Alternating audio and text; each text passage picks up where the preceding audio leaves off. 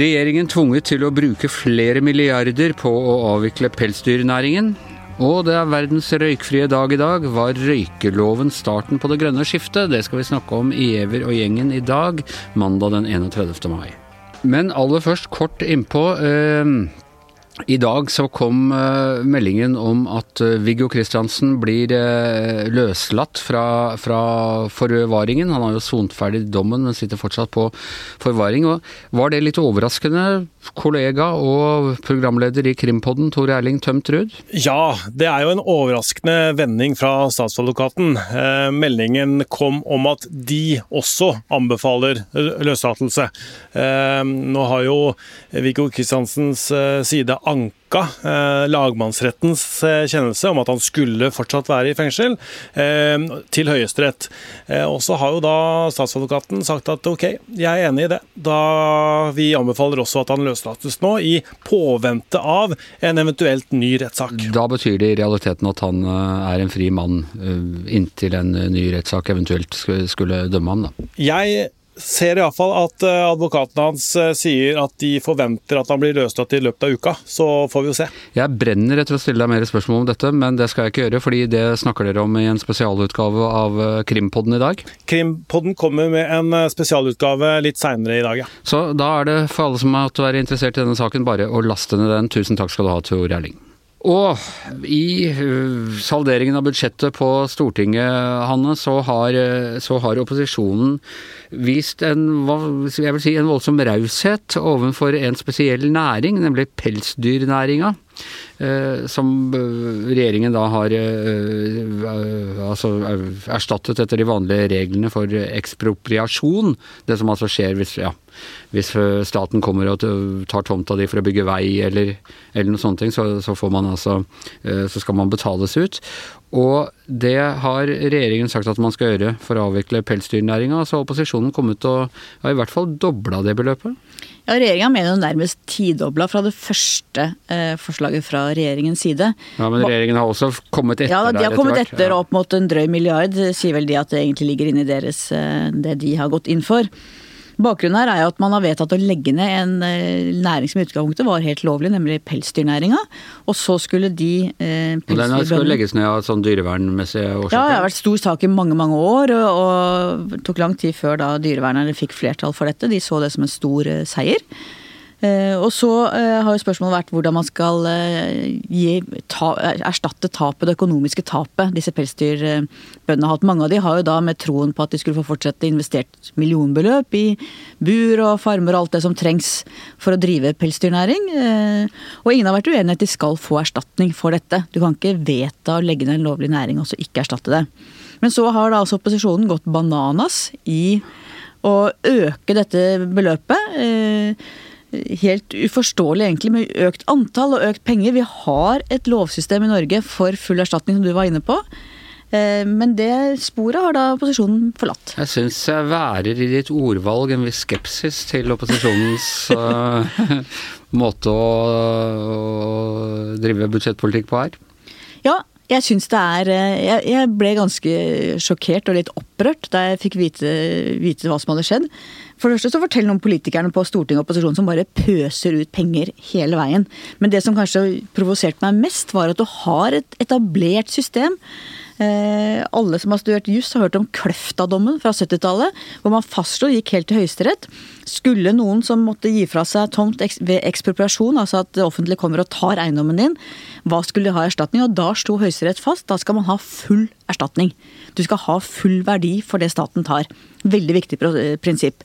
Og det burde ligge til grunn også når det gjelder pelsdyrbøndene, men det er det sporet regjeringen har fulgt. Men dette mener vel opposisjonen at det er nettopp det de gjør? Altså De regner da bare på en noe annen måte hva som er eh, full erstatning?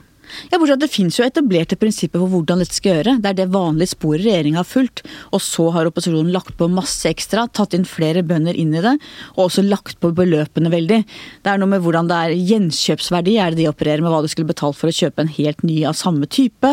Eh, og rett og slett brukt andre ja, prinsipper. Altså, hvis du har kjøpt en, en gård for å drive eh, minkfarm på den og gjort visse investeringer og sånn, så skal du få igjen hva det vil koste å kjøpe samme type eiendom i dag. Er det så urimelig? Prinsippet så er det ikke noe forskjell på om staten må ta en bondegård med fjøs og alt for å bygge vei eller legge flyplass, eller om man legger ned pelsdyrnæringen. Det er dette prinsippet de nå bryter. Opposisjonen vil si at det er annerledes at du mister gården din fordi at man har lagt ned pelsdyrnæringa, enn hvis du mister gården din fordi at det skal ligge en togskinne eller en vei eller noe annet på det stedet.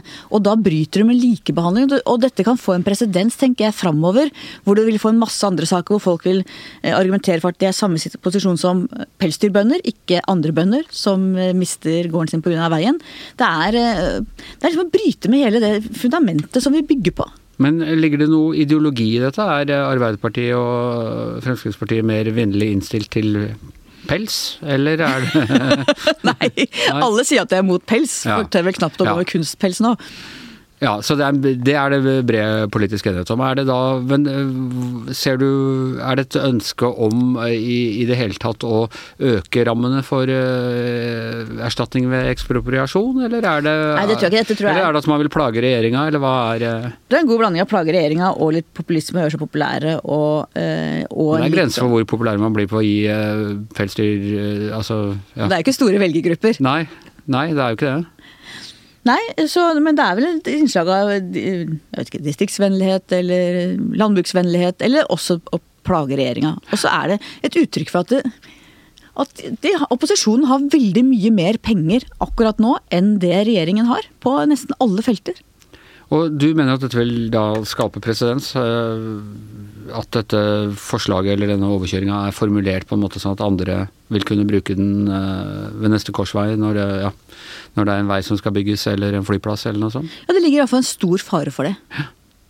Uh, og har regjeringen noen som helst måte å stoppe dette på, eller er det Nei. toget nå rett og slett gått? Nei, det toget tror jeg er gått. Ja, så de penga de er så godt som brukt opp. Og når du ser stakkars Olaug Bollestad, landbruksministeren, som for det første var imot vedtaket i sin tid om å legge ned pelsdyrnæringa, som sitter og har prøvd å administrere denne ordningen og har lagt på ganske mye mer penger enn det som lå der opprinnelig. Og hun har også problemer nå med landbruksorganisasjonene rundt jordbruksoppgjøret. Hun sitter virkelig i en sånn dødens posisjon og får den ene smellen etter den andre. Og nå blir hun sittende som en kjipe som ikke vil betale og gjøre opp ordentlig for uh, pelsdyrbøndene? Ja, som hun egentlig har støtta hele tiden. Så ja. hun er virkelig Hun må være ganske deppa nå, vil jeg tro. For et urettferdig spill politikken er, det, det må jeg virkelig si. Du, vi skal snakke om en annen ting eh, som vi begge har vært eh, personlig berørt av da vi ble kjent på, i Arbeiderbladet på eh, tidlig 90-tallet. Så røyka vi overalt i den redaksjonen. Jeg husker vi røyka på alle klubbmøter, og vi røyka på alle sånne overleveringsmøter, og vi røyka på alle kontorer. Det var noen få sånne ikke-røykere i, eh, redaksjonen, og de fikk eget kontor. Ja. sånn at de ikke skulle bli, så det ikke skulle bli plaget av, av røykinga. Og vi spurte vel aldri dem om det var greit å røyke på møter? Jeg tror ikke det var noe tema. Nei, jeg tror de nærmest liksom gjennom mye legeattester og sånne ting fikk eh, at, at, det var løsningen. At man måtte isolere dem inne på, på egen kontor eh, som så mye annet som har forandret seg på, på, disse Jeg orker ikke å tenke på hvor mange år det er engang, 30 år eller noe sånt. Eh, men, men, det har totalt forandret, ikke bare i norske redaksjoner, men i, i det norske samfunnet i det hele tatt.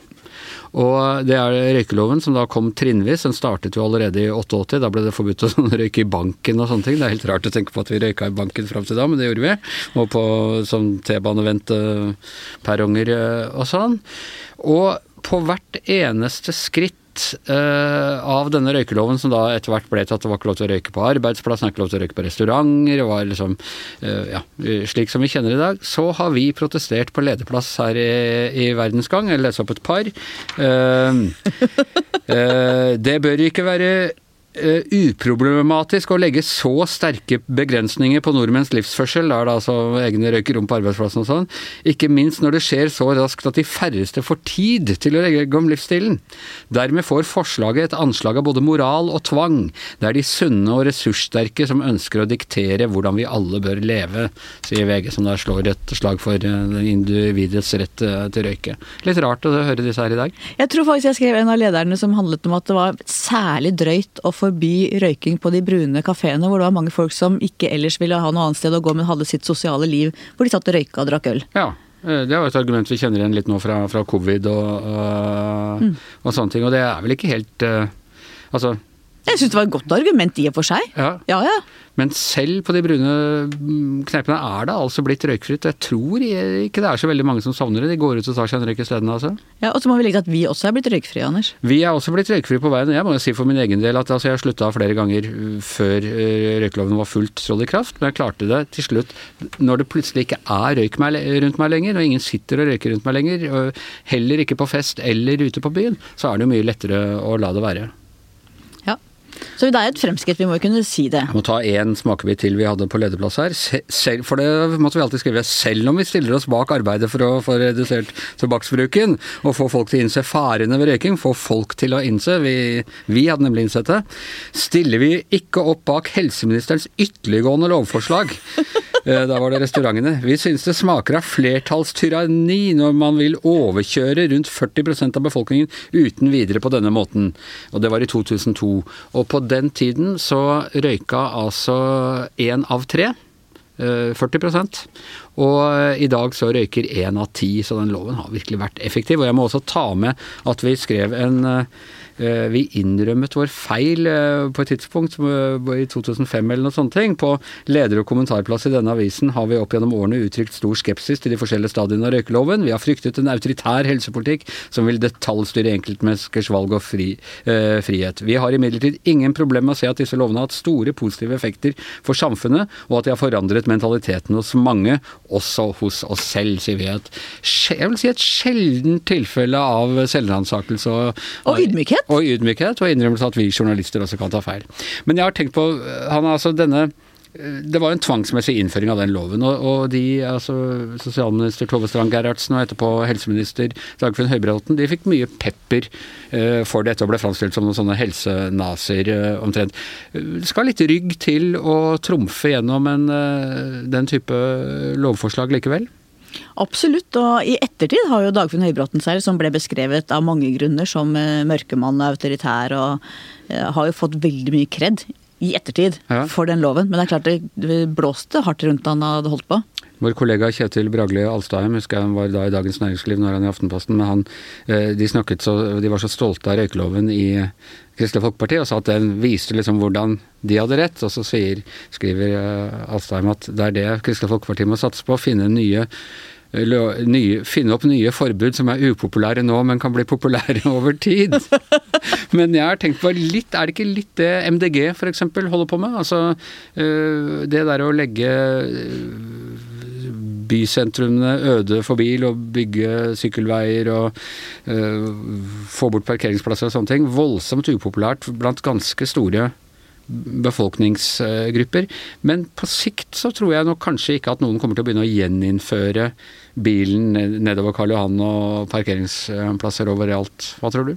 Ja, det tror jeg du har helt eh, rett i. Eh, Da er usikker på om motstanderne av røykeloven er de samme som er motstanderne av MDG. Det er kanskje litt uh... Nei, men at det er litt den dynamikken. Ja. Altså vi, vi liker ikke såpass radikale forandringer gjennomført med såpass uh, kraftige maktpolitiske grep, men når vi først har vent oss til diktaturet, så liker vi det ganske godt likevel. Ja, og jeg tror mange har et like lidenskapelig forhold til bilen sin som vi hadde til røyken. Absolutt. Det tror jeg absolutt. Eh, og nå er det jo altså det er jo omtrent ikke røyking å, å se noe sted. Jeg gikk forbi en bingo her i stad hvor det sto noen damer utafor og røyka. Da skvetter jeg, liksom, for du ser liksom ikke vanlig røyking lenger. Nei, og jeg merker jo at man reagerer mye mer på røykelukt nå enn man gjorde før òg. Ja. Og jeg ser jo av og til hvis, hvis jeg får på besøk som røyker så jeg kan ta en røyk inne, så er de helt sånn nei, nei, det går ikke. Ja, ja, nei, de vil ikke selv De vil ikke selv, Ja, for ja, at da, da forsøpler de oss alle. Mens vi sier at det er jo aldri noen som røyker her. Tar en røyk inne, men det, nei, det gjør man ikke. Jeg slo meg, jeg så på noe sånn gangsterdrama på, på film fra, fra 70-tallet. Og da røyka de som det. Men selv Hollywood-skurkene har slutta å røyke etter eh, røykeloven, så Men jeg merker Anders, av og hvis jeg ser en film og folk tenner en røyk, Ja. så får jeg fortsatt litt lyst på en ja, røyk. jeg får litt lyst på det innimellom, jeg også. Særlig av og til på sånn egentlig sånn ikke nødvendigvis ute og drikke øl, eller noe sånt, men når jeg har gått en lang tur i skogen og kommet fram til et eller annet sted, og liksom det der å premiere seg selv med et eller annet, det, det syns jeg røyken var helt uovertruffen til. Så vi som har vært røykere, vi, vi blir aldri eks-røykere, vi bare tar lengre og lengre pauser. Og det jeg veit, én røyk, så sprekker jeg. Ja. Ja, nei, jeg, jeg har sprukket flere ganger, så, men, men nå er det 14 år siden sist, så da regner jeg med at det skal gå bra denne gangen. Og med det så er eh, Giæver og gjengen eh, over for i dag. I eh, studio Hanne Skartveit, Anders Giæver, vår vaktsjef er Kristina Kinne, og vår eh, selvfølgelig helt røykfrie produsent er Magne Antonsen.